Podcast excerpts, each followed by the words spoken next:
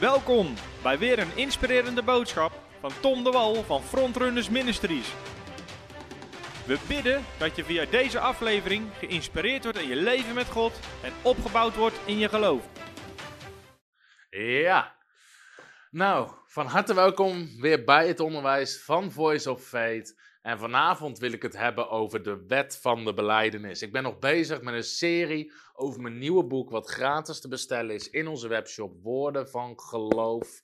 En als je het nog niet hebt besteld, bestel het. Ik beloof je, het gaat echt je leven zegenen.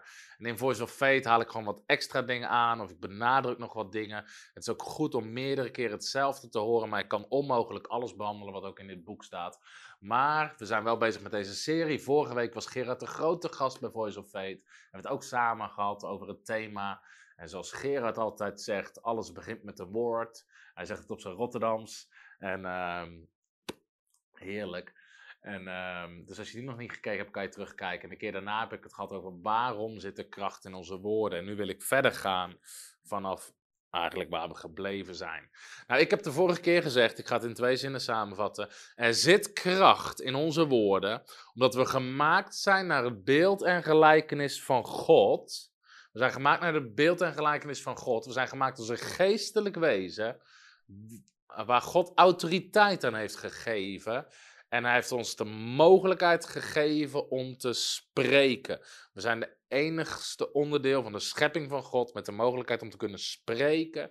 En we zijn een geestelijk wezen met autoriteit. Dus onze woorden zijn niet slechts natuurlijke klanken, maar het, zijn, het is, heeft ook effect in de geestelijke wereld. Er zit autoriteit aan verbonden. Dat is zo belangrijk om dat te weten. Nou, nu wil ik wat dieper ingaan op de wet van de beleidenis. De wet van de beleidenis. En we gaan eens even kijken. Dat is hoofdstuk 3 in mijn boek, maar ik ga gewoon eens wat dingen daarvan aanhalen. En ik heb namelijk in mijn boek beschrijf ik drie wetten om te functioneren in het beeld en gelijkenis van God. Ik ga even een tekst opzoeken uit Efeze 5, vers 1. Als deze tekst, als je die nog niet kent, zal het je leven zegenen. Want in Efeze 5, vers 1, daar staat namelijk dit. Wees dan navolgers van God als zijn geliefde kinderen, als geliefde kinderen. Dat woord navolgers wat daar staat, in het Grieks is het woord uh, mimetai en dat betekent imitators, waar wij ook ons woord meme-spelers van hebben. Dus wij, de Bijbel roept ons op om God zo nauwkeurig mogelijk na te volgen. Zijn voorbeeld na te volgen. En God heeft ons gemaakt in het beeld en gelijkenis van God. En in mijn boek beschrijf ik drie geestelijke wetten die ons helpen om te functioneren in het beeld en gelijkenis van God als het gaat om het gebruik van onze woorden. En die drie wetten, waarvan ik er vanavond denk maar twee kan behandelen, ik kan ook onmogelijk het hele boek behandelen in Voice of Faith. Daarom heb ik ook een boek over geschreven, zodat ik het niet hoef te behandelen compleet. Maar die drie wetten zijn de wet van geloof, de wet van de beleidenis en de wet van autoriteit. Drie geestelijke wetten waar ik in mijn boek diep op inga. Maar de eerste wet die ik even vanavond wil behandelen is de wet van de beleidenis. En dat is een geestelijke wet. Dus ik heb het niet over de wet van Mozes. Ik heb het ook niet over een natuurwet, hè, zoals de zwaartekracht. Maar het is een geestelijke wet. En die geestelijke wet zegt: je krijgt wat je beleidt. Je krijgt wat je zegt. Nou, in het Engels is er een spreekwoord. En die zeggen: What you see is what you get. Dat spreekwoord ken je misschien wel eens. Maar in het koninkrijk van God is het gezegde: What you say is what you Wat jij krijgt is wat je zegt. En daar wil ik vanavond met jullie naar gaan kijken. Als jij opnieuw geboren bent en je bent terechtgekomen in het koninkrijk van God, dan hoor je te weten en dan mag je ontdekken dat er een directe relatie is tussen wat jij zegt met je mond en tussen wat er gebeurt in je leven. Er is een directe relatie tussen wat jij zegt met je mond en wat er gebeurt in je leven. En dat is een openbaring die je moet pakken. Daarom zegt de Bijbel in Spreuken 18, vers 21: Dood en leven Twee geestelijke krachten zijn in de macht, in de autoriteit van de tong. Dat is Spreuken 18, vers 21. En daarna staat meteen: En wie hem lief heeft, zal de vrucht ervan plukken. In andere woorden, wie dit principe goed toepast, zal het voordeel ervan hebben. Dood en leven, twee geestelijke krachten, zijn in de macht, in de autoriteit van de tong. Wie dit principe toepast, zal het resultaat ervan plukken.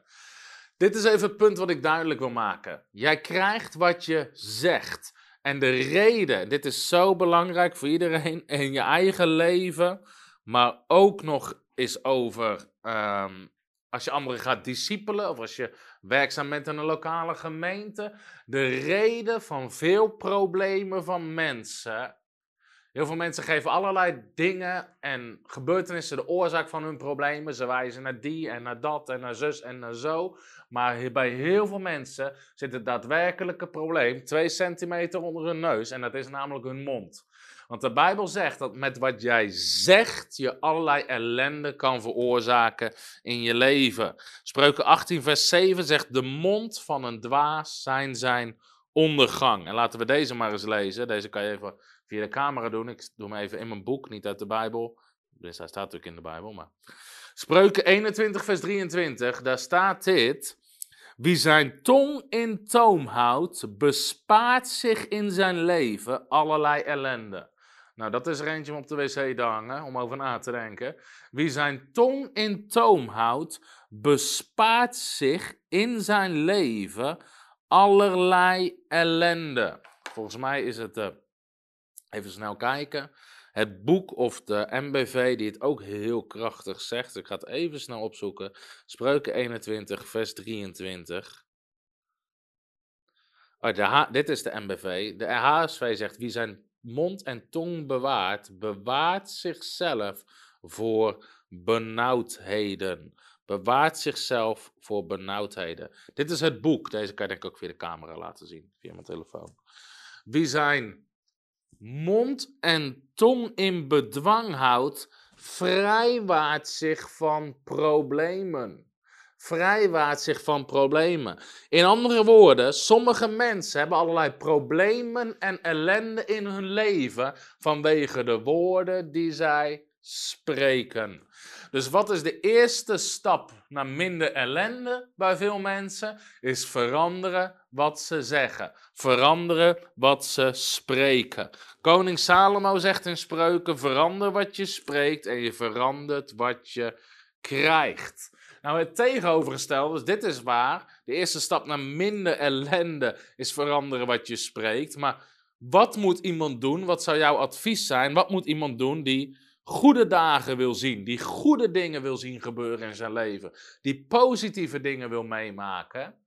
Nou, wat zegt de Bijbel daarover? Zegt het volgende over.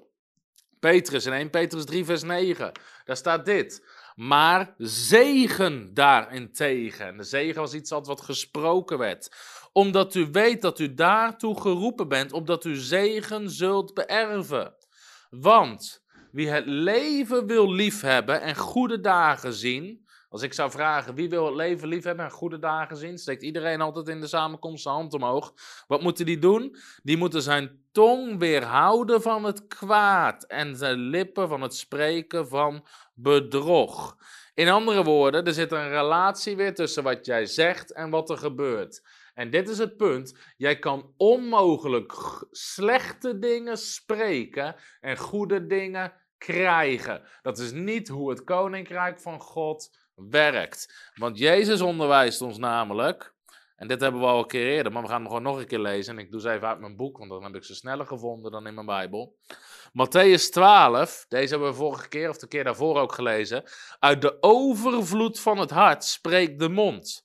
De goede mens brengt goede dingen voort uit de goede schat van het hart. En de slechte mens slechte dingen. Dus hier zie je weer, Jezus begint, hij zegt uit de overvloed van de mond, van het hart spreekt de mond.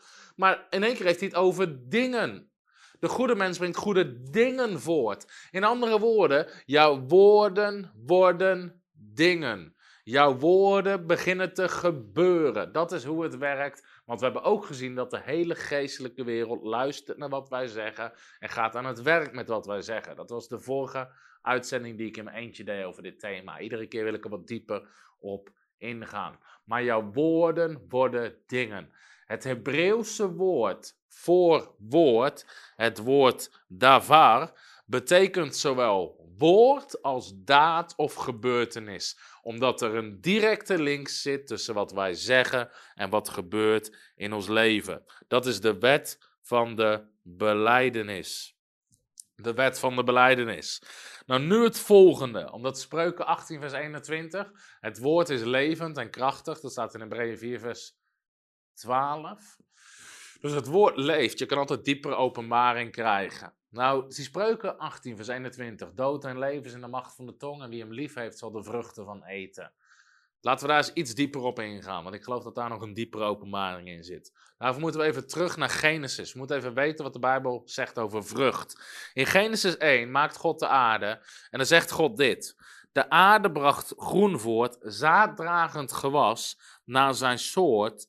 En bomen die vrucht dragen, uh, waarin hun zaad is naar hun soort. En God zag dat het goed was.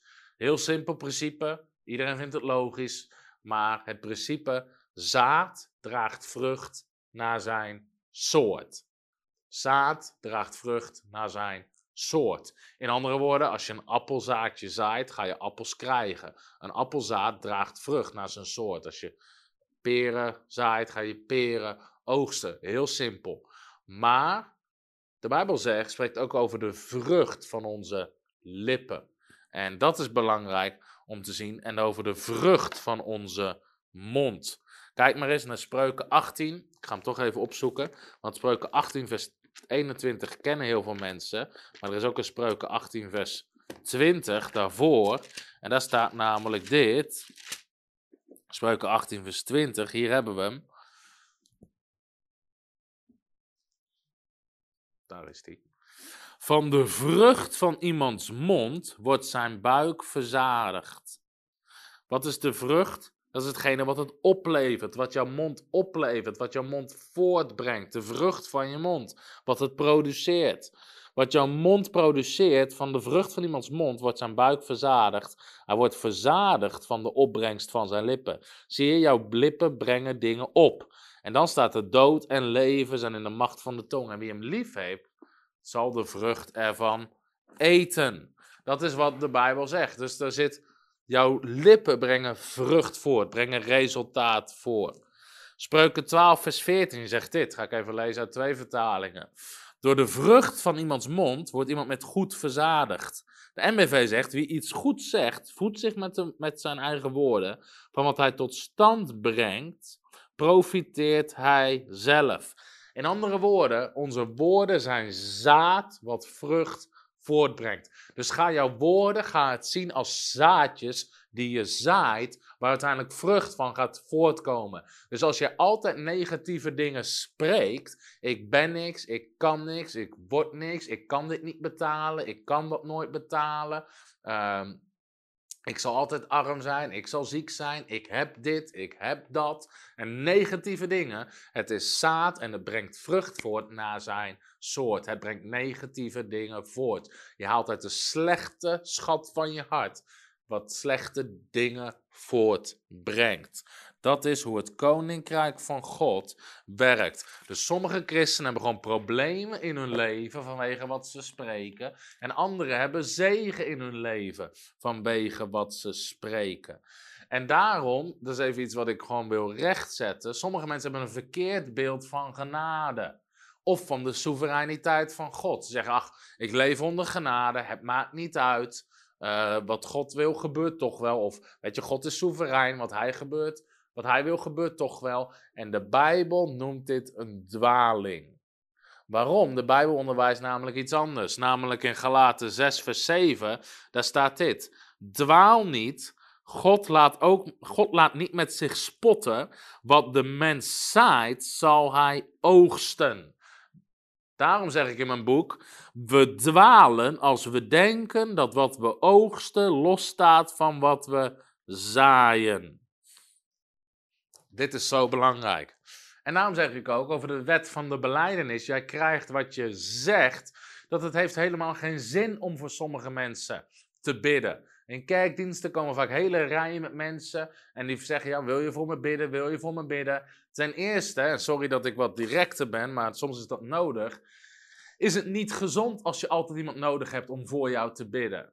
Weet je, ik zie dat niet terug in de Bijbel. Dat iedereen naar de samenkomst komt met de vraag: Wil je voor me bidden? Dat mensen allemaal bij Petrus of Paulus in de rij staan. Andere gelovigen met: Wil je voor me bidden? Wil je voor me bidden? Nee, Jezus zegt: Je zal de waarheid kennen en de waarheid zal je vrijmaken. En Jezus zegt dat jij kan bidden in geloof. Jij kan bidden in de naam van Jezus. Jij kan ontvangen door gebed en geloof wat je nodig hebt. Je kan rechtstreeks naar God toe. Ik hoef niet voor jou naar God toe. Jouw dominee, jouw voorganger, jouw oudste hoeft niet voor jou naar God toe. En soms hebben we een cultuur gecreëerd, zeker in evangelische, charismatische pinksterkringen, met kom maar naar voren voor gebed, kom maar naar voren voor gebed. Maar ik zie dat niet terug in het woord van God.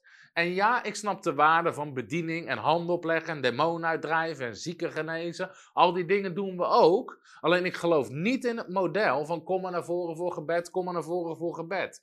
Natuurlijk, ik begrijp de Bijbel zegt bid voor elkaar, broeders. Dus het is ook helemaal niet verkeerd om samen te bidden. De Bijbel spreekt over eenparig gebed en samen instemmen in geloof. Daarom hebben we ook onze gebedslijnen open, ook op dit moment, zodat mensen kunnen bellen voor gebed. En dat is goed. Alleen het is niet de bedoeling dat je daar jarenlang blijft zitten. Dat je over een jaar, of over twee jaar, of over drie jaar, of over vijf jaar nog steeds iemand nodig hebt die altijd voor jou bidt, zodat er iets gebeurt in je leven. Het is de bedoeling dat jij rechtstreeks naar God toe kan. Dat jij geloof hebt voor jouw situatie. Dat je weet hoe het koninkrijk van God werkt. Dat je weet hoe woorden van geloof werken. Dat je gewoon weet hoe jij die dingen kan ontvangen zonder dat iemand anders voor jou bidt. Dat is de bedoeling, dat is het plan van God. Het is de bedoeling dat we geestelijk opgroeien, dat we geestelijk volwassen worden. En dat we niet altijd in een positie zitten waar we nodig hebben dat anderen voor ons bidden, maar dat jij voor anderen gaat bidden. Dat je niet meer langer nodig hebt dat mensen altijd handen op jou leggen, maar dat jij handen op anderen gaat leggen. Dat jij niet langer op degene hebt die bevrijding of genezing nodig hebt, of een nieuwe vervulling met de Heilige Geest, maar dat jij degene bent die handen legt op zieken en ze geneest. Dat jij demonen uitdrijft, dat jij anderen vervult met de Heilige Geest. Dat jij profeteert over anderen. Dat is de plek waar God je wil hebben. En als je het daarmee eens bent, zeg je amen. Hoe kwam ik hierop? Maakt niet uit, het was een goed verhaal. Nou, je krijgt wat je zegt. Je stuurt je leven met je woorden. Zo kwam ik erop dat sommige mensen die blijven gebed vragen, maar zolang zij negatief blijven spreken en niet spreken in lijn met het woord van God, maakt het niet uit want er is de wet van de belijdenis. Ze krijgen wat ze zeggen. Ze krijgen niet wat jij voor hun bidt. Ze krijgen wat ze zeggen. Dood en leven is in de macht van hun tong. Zij plukken de vrucht van hun lippen. Zij hebben, zoals Jacobus zegt, die tekst wil ik nu gaan lezen. Zij hebben het roer van hun leven in hun hand. Jacobus 3. Wij struiken allemaal in veel opzichten.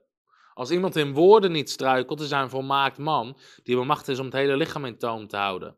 Zie, wij leggen de paarden een bit in de mond, opdat ze ons zouden gehoorzamen en wij sturen daarmee hun hele lichaam.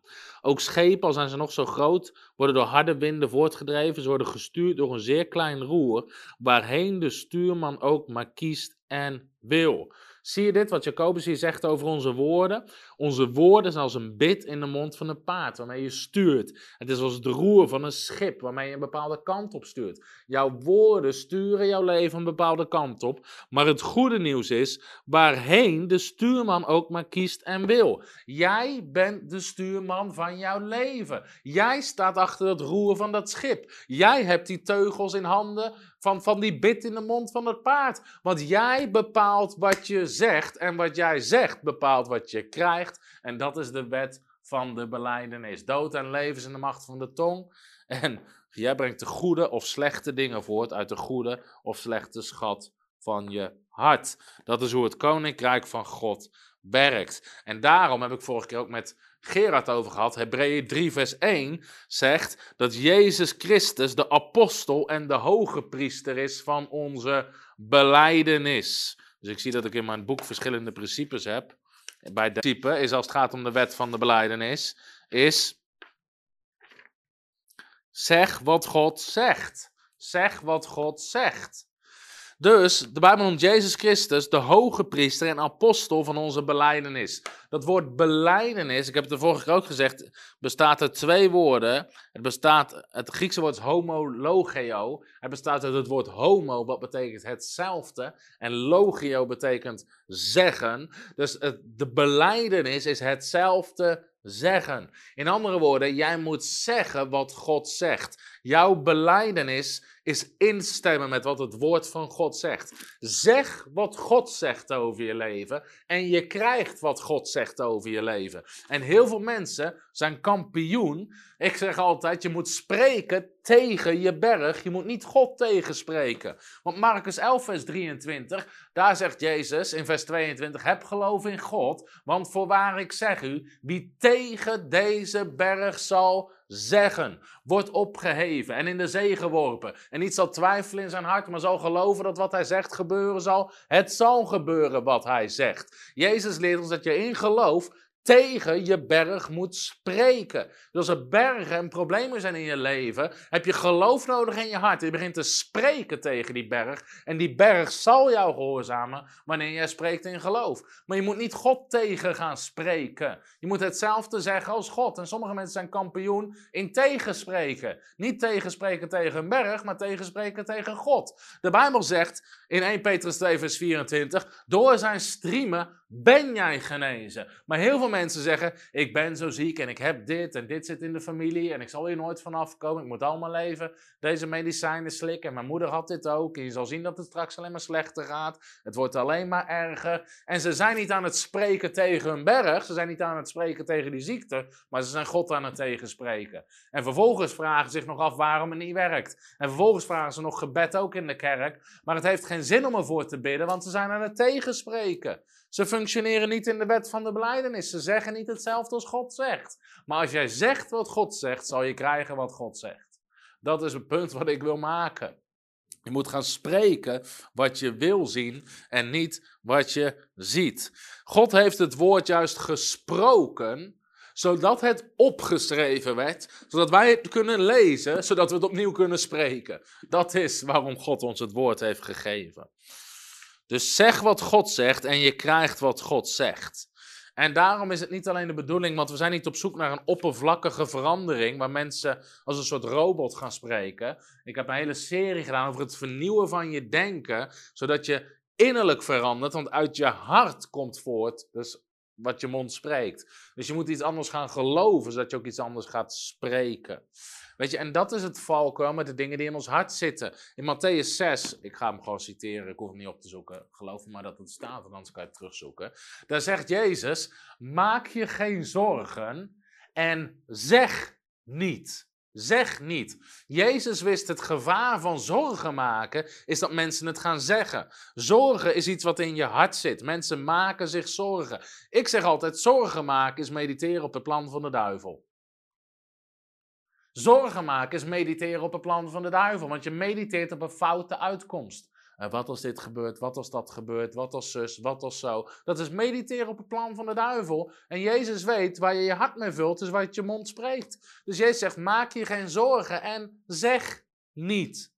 Dus je wil je geen zorgen maken, maar je wil mediteren op wat het woord van God zegt, zodat je hart daarmee gevuld wordt, zodat je dat begint te spreken en zodat dat is wat je krijgt en ziet in je leven. Dat is hoe het koninkrijk van God werkt. Waar was ik gebleven? Dat is de wet van de beleidenis. De wet van de beleidenis. En nou goed, ik heb heel veel voorbeelden in mijn leven. En ook in dit boek staan. Maar ik ga dat nu niet allemaal doen. Maar een van de dingen, gewoon praktisch. Gewoon om aan te tonen. Hè. We frontrunners, we hebben een voltijdbediening. We hebben 10, 11, 12 mensen gewoon in, in dienst die heel de week werken voor de stichting. We geven honderdduizenden boeken, uh, geven we gratis weg. Onze conferenties zijn gratis, bijbelscholen zijn gratis, diensten zijn gratis. Heel veel mensen zeggen, hoe kan dat? Hoe kan dat? Nou, dat heeft onder andere te maken met de wet van de beleidenis. Van, het heeft te maken met wat we geloven en wat we zeggen. Want ik geloof namelijk dat God voorziet in alles wat we nodig hebben. Dat is wat we spreken. We spreken God voorziet in alles wat we nodig hebben. Geld zal nooit een probleem zijn. Er zal altijd genoeg geld zijn. Mensen zullen gulle giften geven. Mensen zullen partner worden. Dat is wat we zeggen. Maar ik hoor heel veel kerken, heel veel bedieningen hoor ik altijd zeggen. Het is moeilijk, het is zwaar, mensen geven niet, mensen willen geen partner worden, mensen geven geen grote gift aan het koninkrijk van God. Als dat is wat je gelooft en als dat is wat je zegt, is dat wat je krijgt. Ik geloof iets anders, ik zeg iets anders en ik heb iets anders. We hebben geen financiële problemen, want God voorziet altijd in alles wat we nodig hebben. Maar het heeft te maken met wat je zegt. Met wat je zegt. Ik heb andere bedieningen horen zeggen. Ja, mensen willen geen partner worden. Weet je, als, je dat is wat jij, als dat is over wat je zelf gelooft, als dat is wat je zegt, dan is dat precies wat je krijgt. Ik geloof iets anders. Ik geloof namelijk dat christenen gemaakt zijn in beeld en gelijkenis van God. God is een vrijgevige God. God heeft boven alles een hart om zijn huis en zijn koninkrijk te bouwen. En als wij gemaakt zijn in Gods beeld en gelijkenis, dan geloof ik juist dat we een hart hebben om te geven en om te bouwen het koninkrijk van God. Dat mensen graag partner worden. Dat mensen graag grote offers geven. Dat is wat ik geloof. Dat is wat we zeggen en dat is wat we hebben. Dus het heel veel van die dingen hebben te maken met wat jij zegt en wat je krijgt.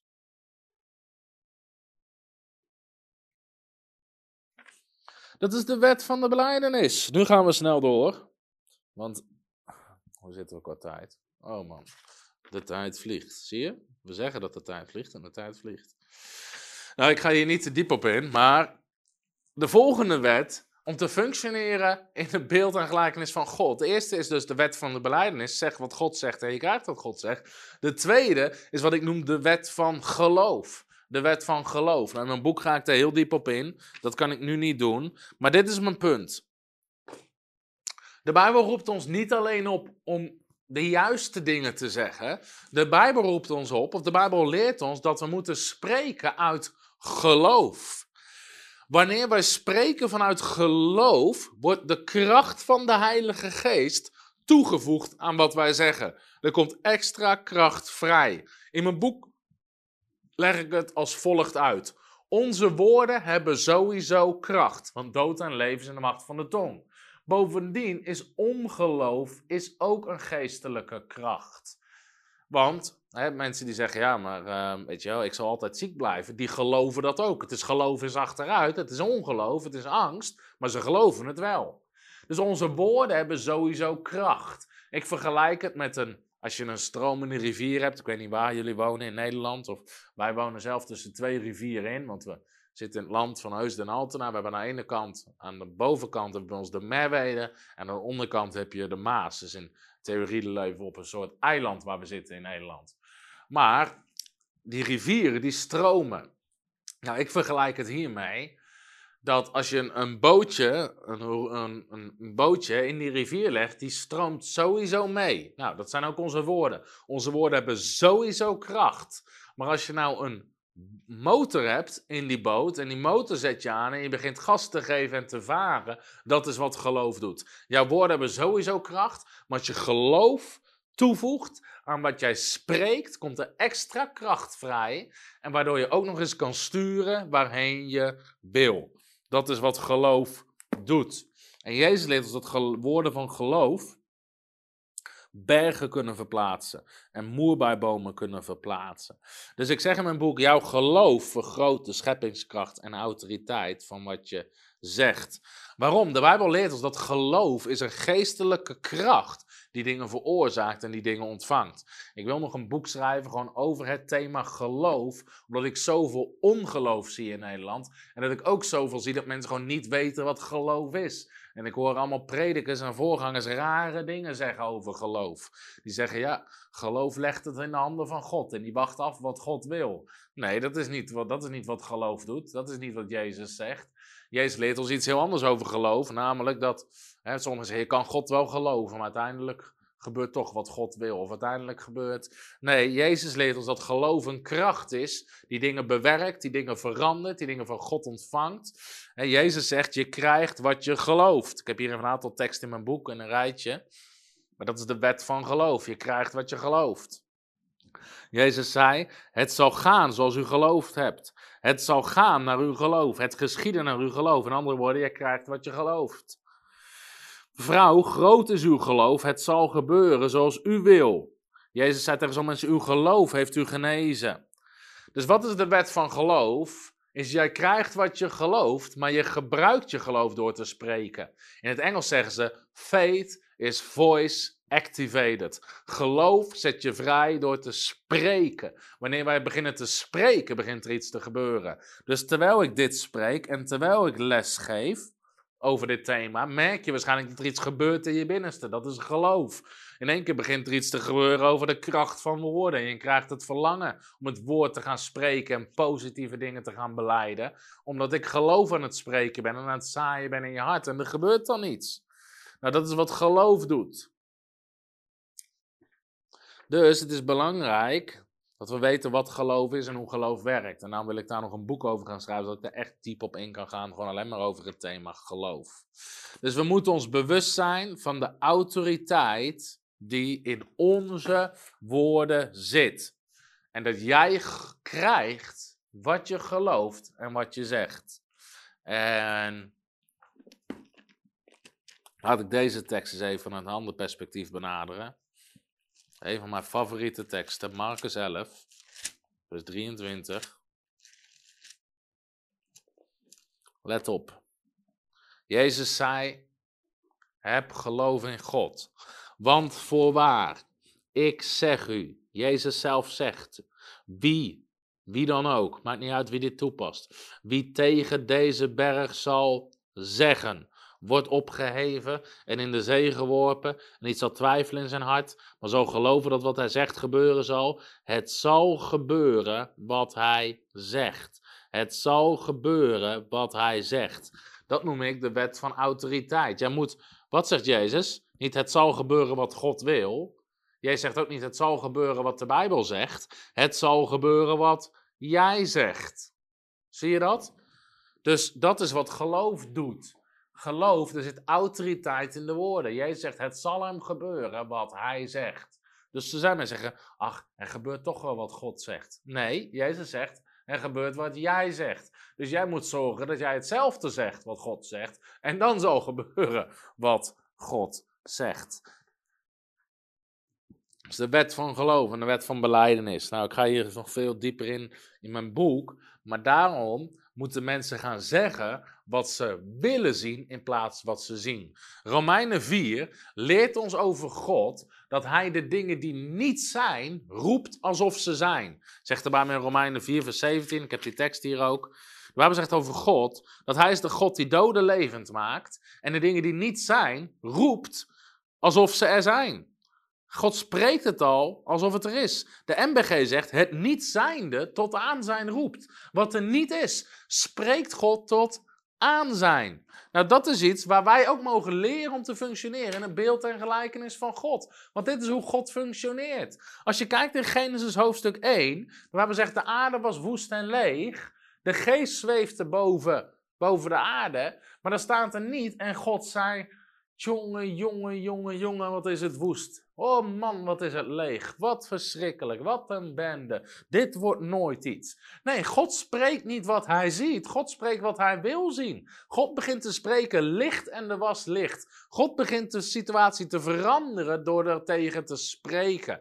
Heel veel christenen die zeggen juist wat ze zien, niet wat ze willen zien. Ze zeggen, oh ik ben zo ziek. Oh ik ben zo arm. Oh het gaat zo slecht. Oh, het is zo moeilijk. Mijn kinderen worden nooit iets. Mijn kinderen dienen de Heer niet. Mijn kinderen willen niet mee naar de kerk. Mijn kinderen willen de Bijbel niet lezen. Mijn gezin valt uit elkaar. Niemand wil met mij omgaan. Ze spreken niet wat ze willen zien, ze spreken wat ze zien en ze krijgen wat ze zeggen. Maar dat is niet hoe God functioneert. Dat is ook helemaal niet hoe God naar je leven kijkt. Toen God naar Gideon keek, zei hij machtige held. En Gideon keek om zich heen van, tegen wie heeft die engel het? Maar hij had het tegen hem, omdat God het niet zijnde tot aanzijn spreekt. En dat wil God ook doen in jouw leven. Daarom zegt God, door mijn striemen ben je genezen. Daarom zegt God, je bent rechtvaardig en geen zondaar. Dat is God wil niet zijnde tot aanzijn spreken in je leven. God zegt, je zal de kop zijn en niet de staart. Je zal uitsluitend omhoog gaan en niet omlaag. Goedheid en gunst zullen je volgen al de dagen van je leven. De zegen van Abraham is op je je bent vrijgekocht van de vloek. Ik kom allemaal christenen tegen me. Ik ben onder een vloek. Ik ben onder een vloek. Mijn familie is onder een vloek. Vloek. Verbreek dat ding in geloof. Stap eruit. Zeg het stopt bij mij. Bij mijn generatie stopt het. Christus heeft de vloek gedragen. De zegen van Abraham is op mij. Goedheid en gunst zullen me volgen. Ziekte heeft geen recht om in mijn leven te zijn. alleen het heeft te maken met wat je gelooft. En wat je spreekt. En dat is wat je uiteindelijk gaat krijgen. Christenen die geloven dat ze arm horen te zijn, zijn altijd arm. Christenen die geloven dat ziekte erbij hoort, die zijn altijd ziek. Waarom? Er is geen geloof en autoriteit en kracht van in hun woorden om daar autoriteit over te nemen.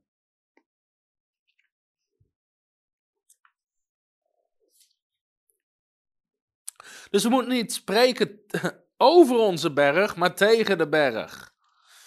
Ik heb dit leuke voorbeeld. Ik kon niks beters verzinnen in mijn boek. Maar over het niet zijn dat tot aan zijn roepen. Sommige christenen, het enige waar ze dit mee doen is met een kat. Als een kat buiten weg is gelopen, dan staan ze met een bakje voer. Poes, poes, poes, poes, poes, poes. Weet je, ze spreken die kat die er niet is, alsof die er al is. Ze spreken die kat tot aan zijn. Nou, dat is misschien wel een mooi voorbeeld hoe de geestelijke wereld werkt. Hoe andere dingen ook luisteren naar jouw woorden. Hoe de dingen beginnen te gebeuren wanneer je begint te spreken. Sorry dat ik geen beter voorbeeld heb. Oké, hiermee ga ik afsluiten. Want dit is, dit is gewoon een heel essentieel principe. Wat ik wil neerleggen en wat je leven verandert. In mijn boek is dat op pagina 81. Nogmaals, voor de mensen die later intunen. Dit is mijn nieuwe gratis boek. Woorden van geloof. Over de kracht van woorden. Ik deel maar even een paar principes eruit. Maar je kan dit boek gewoon gratis bestellen in onze webshop. Samen met al onze andere boeken. We hebben ook een totaal radicaal pakket in onze webshop staan, waar je alle acht mijn boeken gratis krijgt, samen met onze uh, nieuwe magazine, samen met proclamatiekaarten. En het, echt, het is een zegen voor je leven. We delen alles gewoon gratis uit. Om niks hebben we ontvangen en om niks geven we. Dit principe, als het gaat om geloof. Ik heb het hier in mijn boek samengevat als principe 4 en 5. Geloof komt door te spreken en geloof komt voorspreken. Nou, dit lijken twee tegengestelde dingen, maar ik ga je uitleggen wat ik ermee bedoel. De Bijbel zegt in Romeinen 10, vers 17, hier heb ik die tekst. Zo is het geloof dan uit het gehoor en het gehoor door het woord van God. Een andere tekst zegt: geloof komt door te horen en horen door het woord van God. In andere woorden, geloof komt door te horen. Geloof komt door te horen. Wat jij gelooft, komt door wat je hoort. Geldt niet alleen voor het woord van God, geldt voor alles in je leven. Als jij opgegroeid bent in een, in een gezin waar ze zeggen, joh, we zullen altijd arm zijn, we zullen niks hebben. Wat is dat gezegd als je als een dubbeltje geboren bent, weet je nooit een kwartje of andersom, of ik weet het niet, iets in die trant. Weet je, wij blijven waardeloos. Of mensen, als, als dat is wat ze altijd gehoord hebben, is dat wat ze geloven. Als jij je hele dag vult met de radio of met televisie of met de krant, alles wat je constant hoort, ga je geloven. De Bijbel zegt, geloof komt door te horen. Dus ook Bijbels geloof, Gods geloof, komt door te horen. Dat betekent, als ik het woord van God tegen jou preek, merk je, er begint iets te gebeuren. Er begint iets te broeien in mijn hart. Dat is geloof. Als jij het woord van God leest en hardop uitspreekt ook, dan begint er iets te gebeuren. Daarom hebben we die proclamatiekaarten. We hebben hier die fate hebben we staan in ons magazine. Even kijken. Waar die staan. Dat zijn dus ook eigenlijk een soort proclamatieteksten. Dus even kijken of ik ze snel kan vinden. Als je het woord van God, hier hebben we fate Bijvoorbeeld, nou laat ik eens even iets pakken. Ik heb, we hebben hier twee rijen. één over supermens, over je identiteit in Christus. En één over woorden van geloof. Nou, als we supermens eens pakken en we beginnen het woord van God te spreken. Johannes 14, vers 12. Voorwaar, voorwaar, ik zeg u. Wie in mij gelooft, zal de werken, de wonderen die ik doe, ook doen. En nog grotere dan deze, want ik ga heen naar mijn vader. Johannes 20, vers 21. Zoals de vader mij gezonden heeft, zo zend ik ook u. Wie zegt in hem te blijven, moet zelf wandelen, zoals hij gewandeld heeft. En de gelovigen zullen deze tekenen volgen. In mijn naam zullen ze demonen uitdrijven, vreemde talen zullen ze spreken. Ze zullen handen leggen op zieken en ze zullen gezond worden. Als ik dit soort dingen begin te spreken, het woord van God hardop begint te spreken, begint er iets te gebeuren in je hart. Want het is zaad wat gezaaid wordt. Als je leest, ik kan dezelfde werken doen als Jezus en nog grotere. De eerste keer dat je het hoort, geloof je dat misschien helemaal niet. Omdat de religie je geleerd heeft dat dat niet kan. Maar als je dit hoort en jezelf ermee voedt, dan begint er iets te ontstaan in je hart. Waar je zegt, hé, hey, ik kan ook zieken genezen. Ik kan ook demonen uitdrijven. Ik kan ook de werken van Jezus doen. Want Jezus zegt dat ik het hoor te doen. En je begint te mediteren op zo'n Marcus 17. Hen die zullen hebben, hey, dat ben ik. Ik ben een gelovige. Zullen deze tekenen volgen. Welke tegen, tekenen horen mij te volgen in mijn leven? In mijn naam zullen ze demonen uitdrijven. Denk je, wacht eens, ik hoor demonen uit te drijven. Ik hoor demonen te verdrijven. Ik hoor niet bang te zijn voor de duivel. De, de duivel is bang voor mij. Ik ben niet bang voor demonen. Demonen zijn bang voor mij. Op het moment dat je het woord van God begint te, begint te horen, begint geloof te komen. Dus dat is in principe geloof komt door te horen. Nou, je moet het soms vaak horen. Dus de Bijbel zegt, de mens zal niet leven van, woord, van, van, van brood alleen, maar van ieder woord wat gesproken is. Dus de Bijbel vergelijkt het met voedsel, waarop je koudt. En de Bijbel vergelijkt ons met schapen. Gelovigen worden met schapen vergeleken. Nou, schapen zijn herkauwers. Weet je, je koudt heel vaak op hetzelfde. Sommige teksten heb ik 100, 200 keer gelezen. En ik lees ze opnieuw en ik lees ze opnieuw en ik lees ze opnieuw. Waarom? We zijn herkauwers. We mediteren op het woord en geloof komt door te horen en door het woord van God te horen. Dus dat is belangrijk om te beseffen dat we weten hoe geloof komt. Maar wat is belangrijk hier? Dat ik zeg het als volgt in mijn boek. Ik ga het gewoon even een stuk voorlezen, omdat dat, ik heb het goed over nagedacht hoe ik het schrijf, dus ik wil het goed zeggen. Ik begin even met dat stukje van die schapen. Bovendien noemt de Bijbel ons schapen en is de Heer onze herder die ons naar grazige weiden leidt. Schapen zijn herkauwers. Wanneer ze eten, nemen ze wat voedsel. Ze gaan daarna rustig liggen herkauwen. Ze blijven constant kauwen op hetzelfde voedsel. Dat is wat wij moeten doen met Gods woord. We moeten het herkauwen, erop mediteren en keer op keer door onze gedachten laten gaan en keer op keer uitspreken naar onszelf. Dit zorgt ervoor dat Gods woord van ons hoofd, van ons verstand, naar ons hart, naar onze geest zakt. Dit is belangrijk, want de Bijbel zegt: met het hart gelooft men. Dus geloof functioneert vanuit je hart, vanuit je geest, niet vanuit je hoofd. Het is de geestelijke mens die op moet groeien en sterk moet worden. Geloof is een kracht die werkt vanuit je geest en je geestelijke mens, niet vanuit je hoofd en je natuurlijke mens. Daarom is het herkauwen, mediteren en naar jezelf uitspreken zo belangrijk. Veel mensen doen dit niet en daardoor hebben ze alleen maar hoofdgeloof. Hoofdgeloof heeft geen resultaat. Dan geef ik even een paar voorbeelden. Maar de Bijbel zegt, geloof komt dus door het horen en het is het horen van het woord van God. Dus, maar dit is het. Het is belangrijk dat we het spreken van Gods woord niet verwarren met geloof hebben. Dus het feit dat jij het woord hoort en dat je het woord spreekt, betekent niet automatisch dat je geloof hebt waar je niet meer aan twijfelt. Want dit zegt de Bijbel ook in 2 Korinthe 4, vers 13. Ik ga het zo meteen samenvatten en dan begrijp je wat ik bedoel. Dit zegt Paulus. Maar omdat wij dezelfde geest van het geloof hebben, omdat wij dezelfde geest van het geloof hebben, overeenkomstig wat geschreven staat, ik heb geloofd en daarom heb ik gesproken. Geloven ook wij en spreken ook wij. Wat zegt Paulus hier eerst? Hij heeft geloofd, dus hij heeft eerst geloof en daarom spreek ik. In andere woorden, het spreken is het resultaat van het geloven. Jezus zei in Marcus 11: Heb geloof in God, want voorwaar ik zeg u, wanneer u tegen deze berg zal zeggen, wordt opgegeven en in de zee geworpen, en niet zal twijfelen aan wat hij, dat hij, wat hij zegt gebeuren zal. In andere woorden, terwijl jij spreekt, moet je niet meer twijfelen aan of wat jij zegt wel gebeuren zal. Dus dit is mijn punt. Je moet geloof hebben voordat je spreekt tegen de berg. Het feit dat je spreekt tegen de berg is niet een teken dat je geloof hebt, maar uiteindelijk dat de berg verplaatst. Dus als jij zegt, je moet niet twijfelen in je hart wanneer je spreekt tegen de berg, betekent dat je geloof hebt gebouwd voordat je spreekt tegen de berg.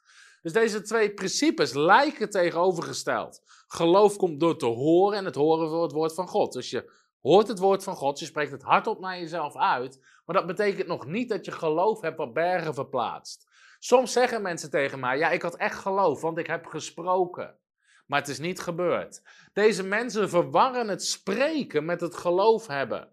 Het is goed om te spreken. Het is ook goed om het woord van God te spreken naar jezelf. Maar je moet het niet verwarren met geloof hebben. Ik ga weer even verder lezen. Paulus zegt: Ik heb geloof, daarom heb ik gesproken. Geloof ook wij en daarom spreken wij. Let op, Paulus is heel duidelijk. Hij gelooft eerst en spreekt daarna. Het spreken is een gevolg van het geloven. In Marcus 11 zegt Jezus dat wanneer mensen spreken tegen een berg, ze niet moeten twijfelen in hun hart. Met andere woorden, je probeert niet eerst te spreken tegen de berg en daarna het geloof te bouwen. Je bouwt eerst het geloof, zodat wanneer je spreekt tegen de berg, je niet twijfelt. Nu zullen sommige mensen denken dat lijkt wel een tegenstelling. Nee, dat is het niet. We moeten echter, we moeten echter het mediteren en proclameren van teksten niet verwarren met het geloof hebben. Het feit dat je een tekst proclameert, betekent niet dat je het gelooft met je hart. En dit is belangrijk. Sommige mensen zeggen, ja, maar ik geloof dat Gods woord waar is. Dat is mooi, Gods woord is ook waar, maar dat is nog steeds instemmen met je verstand. Let op, ik zet hier even die twee teksten onder elkaar. Even kijken hoor. Um, deze zeg ik. Jezus zegt niet in Marcus 11, vers 23. Ik hoop dat je mijn punt pakt, anders moet je het boek lezen. Want voorwaar ik zeg u, wie tegen deze berg zal zeggen, wordt opgegeven en in de zee geworpen. En niet zal twijfelen in zijn hart dat de Bijbel waar is, maar zal geloven dat de Bijbel waar is, het zal hem gebeuren wat hij zegt.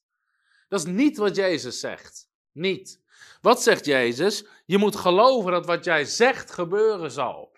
Dus je moet, jouw geloof moet op een ander niveau komen. Dat je niet alleen gelooft dat de Bijbel waar is, maar dat de Bijbel, het woord van God, zo'n geloof in jouw hart heeft geproduceerd. Dat jij niet twijfelt, maar op het moment dat jij spreekt, dat je weet die berg verplaatst. En je moet net zo lang mediteren en geloof bouwen en herkouwen, totdat het een zekerheid wordt in je hart. Want de Bijbel zegt, het geloof nu is de zekerheid van de dingen die we hopen. En een bewijs van wat we nog niet zien. De Engelse vertaling zegt, now faith is the substance of things hoped for, and the evidence of things not seen. Dus het moet eerst een substantie worden, het moet een zekerheid worden, het moet een hemels materiaal worden, wat niet functioneert vanuit je hoofd, maar echt in je hart zit, omdat je dat geloof gebouwd hebt, dat je weet wanneer je spreekt, gebeurt het.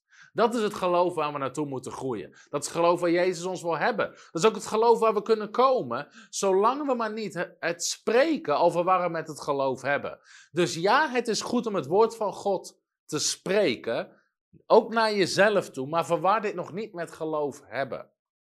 Op een gegeven moment landt dat en dan begin je te spreken tegen die berg en dan weet je, hij gaat. En het is niet erg om meerdere keren te spreken, want in Marcus 11, vers 23 heeft Jezus drie keer over zeggen, één keer over geloven.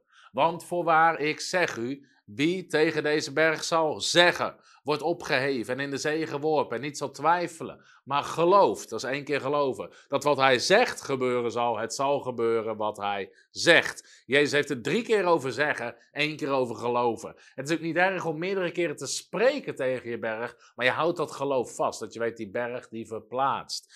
Dus dat is een belangrijke samenwerking. Omdat soms zie je mensen denken, hoe harder ik schreeuw, hoe meer er gebeurt, hoe vaker ik het zeg, hoe krachtiger het is. Nee, dat is niet hoe het werkt. Geloof kan zelfs functioneren vanuit een rust. Want de Bijbel zegt, wij die geloven gaan de rust binnen. Geloof functioneert niet vanuit paniek, niet vanuit angst, maar vanuit een rust en een hemelse zekerheid. Omdat je het geloof gebouwd hebt, is een zekerheid en een substantie in je geest. En je spreekt en dingen beginnen te gebeuren. Ik hoop dat je begrijpt wat ik bedoel. En anders lees het boek, want daar leg ik gewoon nog rustiger in uit. Maar dit zijn gewoon, dit zijn dingen waarom sommige mensen de geloofsboodschap verkeerd begrepen hebben. Zeggen ze, ja, weet je, ik had echt geloof en ik heb echt gesproken, maar er is niks gebeurd. Lieverd, Jezus zegt, als jij geloof hebt, als je echt geloof hebt en je spreekt en je twijfelt niet, dat wat jij zegt gebeuren zal, dat de berg verplaatst. Dus iemand heeft gelijk.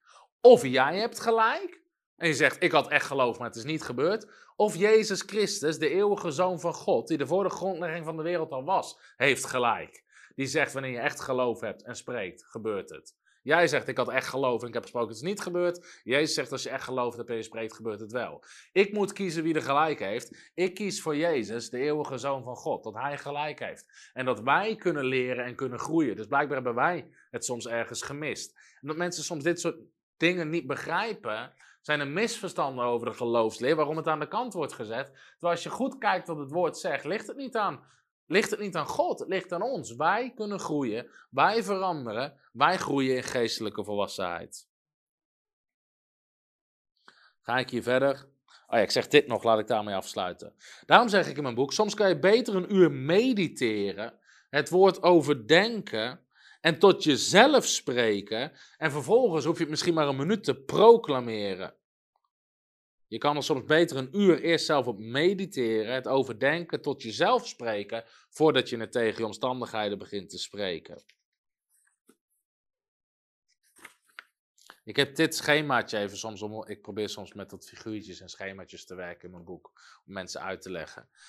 Kijk, we zitten eerst in meditatie. Je mediteert op het woord van God. Dan, ik heb opgezocht of het Nederlands woord was. De Engelse revelation. Meditation, revelation. Proclamation, manifestation. Maar ja, ik dacht, die moeten we eigenlijk in het Nederlands hebben. Maar revelatie is ook een goed woord. Dat betekent openbaring.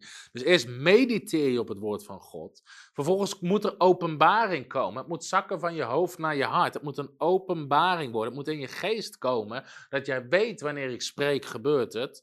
Dan komt de proclamatie. Dan spreek je. Je proclameert het woord. En dan zal je de manifestatie hebben. Dat is hoe de wet van de beleidenis en de wet van geloof, hoe dat werkt. En het is precies negen uur. Als er mensen zijn die vragen hebben, wil ik je vragen graag beantwoorden. Dus stel ze vanaf nu in de reacties en ik zal kijken of, ehm, of ik ze kan beantwoorden. En even totdat de eerste vragen binnenkomen, wil ik je van harte uitnodigen als je gezegend bent. Ik wil je twee dingen vragen. Ten eerste, help ons mee om dit boek bekend te maken. Deel het gewoon even in je stories, op je Facebook, op Twitter, op weet ik veel waar je allemaal op zit. Maar deel het even. Zet er gewoon bij. Dit boek verandert je leven. Het is gratis te bestellen via Frontrunners Ministries. Facebook heeft onze betaalde advertenties geblokt. We kunnen niet meer adverteren. En we zijn aan het uitzoeken waar het mee te maken heeft. Het kan of te maken hebben dat ik die uitzending heb gedaan over vaccinatie en uh, uh, vaccinatieplicht en dwang. Daar heb ik natuurlijk een uitzending over gedaan. Dus het kan zijn dat ze ons daarom gevaarlijk vinden en ons geblokkeerd hebben. Of het heeft te maken met het feit dat we adverteren met gratis boeken en dat ze het niet geloven en dat ze denken dat er een of andere oplichting achter zit waar we mensen voor duizenden euro's op proberen te lichten, omdat ze niet geloven dat mensen echt gratis boeken weggeven. Maar wij geven echt gratis boeken weg. Alles in onze webshop is gewoon gratis. Dus help ons mee om dit boek te verspreiden. Zeker nu onze betaalde advertenties plat liggen, waardoor we geen nieuwe mensen kunnen bereiken. Maak gewoon even een foto, deel het op je Instagram, op je Facebook, deel het op verschillende plekken, stuur het, stuur het gewoon in WhatsApp naar broeders, naar zusters die je kent. Zeg, hey, dit boek kan je, kan je gratis bestellen, het zal je leven veranderen. Zet gewoon even het linkje erbij. Maak het makkelijk voor mensen om het woord van God te ontvangen. We geven het juist gratis uit om er zoveel mogelijk mensen te verspreiden. En zoals ik zei, we hebben ook een totaal radicaal pakket waar al mijn boeken, ik heb er hier maar een paar liggen, Schild van Geloof en De Kracht van de Waterdoop, maar waar alle acht mijn boeken in zitten. Dus help ons gewoon om dat te verspreiden. En als je zegt, hey, ik vind dat jullie gaaf werk doen, ik wil jullie gewoon ook op andere manieren helpen om zoveel mogelijk mensen te bereiken. Word partner van Frontrunners als je nog geen partner bent. En bouw gewoon maandelijks mee. Partnerschap is een Bijbels principe waar boek 3 Johannes ons leert, je wordt medearbeider van de waarheid. Dus je wordt een medearbeider, je wordt een medewerker in Frontrunners. Dus jij helpt ons mee. En de vrucht die wij dragen, is ook de vrucht die jij draagt op je leven. Want je bent een medewerker. En dat is zo gaaf, dat is hoe partnerschap werkt. Plus, dit is een openbaring voor veel mensen. Paulus zegt in Filippenzen 4, vers 19. Dat is een tekst die heel veel mensen kennen, maar ze kennen de context niet. Mijn God zal voorzien in alles wat u nodig hebt, overeenkomstig zijn rijkdom in Christus Jezus. Nou, dat is een tekst die heel veel mensen claimen of proclameren. God zal voorzien in alles wat ik nodig heb. Dat is een hele mooie belofte, maar het is een belofte die gedaan is aan partners van het evangelie. Dus voordat je wil gaan staan op die belofte, is het belangrijk om te voldoen aan de voorwaarden van die belofte. Want in de context lezen we namelijk dat die Filippenzen waren partners van de bediening van Paulus. En Paulus zegt: Jullie hebben mij meerdere malen geld toegestuurd om mij te helpen met de bediening. Dan zegt hij: Nu ben ik voorzien in alles wat ik nodig heb. Ik zal je laten zien uit het woord van God. Nu ben ik voorzien in alles wat ik nodig heb. En nu gaat God jullie voorzien in alles wat jullie nodig hebben, overeenkomstig zijn rijkdom. Dus het was een specifieke belofte die Paulus deed aan partners van zijn bediening. Kijk, gaat laten zien. Vers 18 zegt, ik heb alles ontvangen.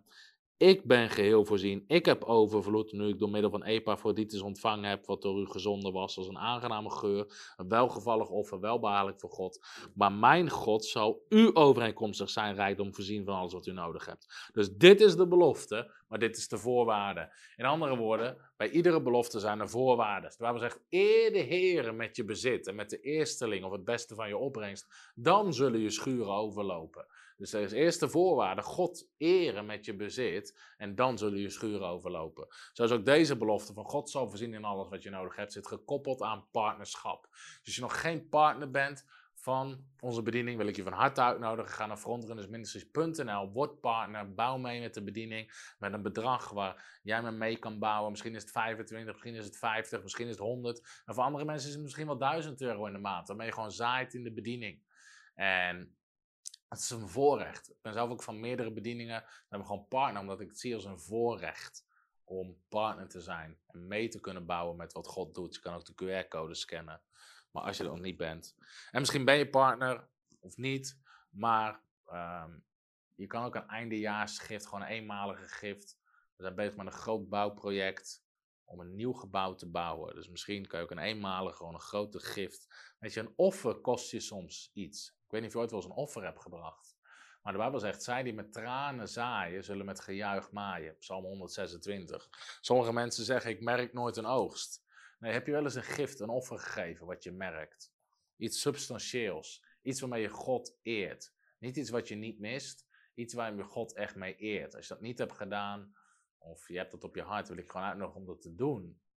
En je kan ook gewoon een eenmalige gift overmaken, waarmee je de bediening bouwt.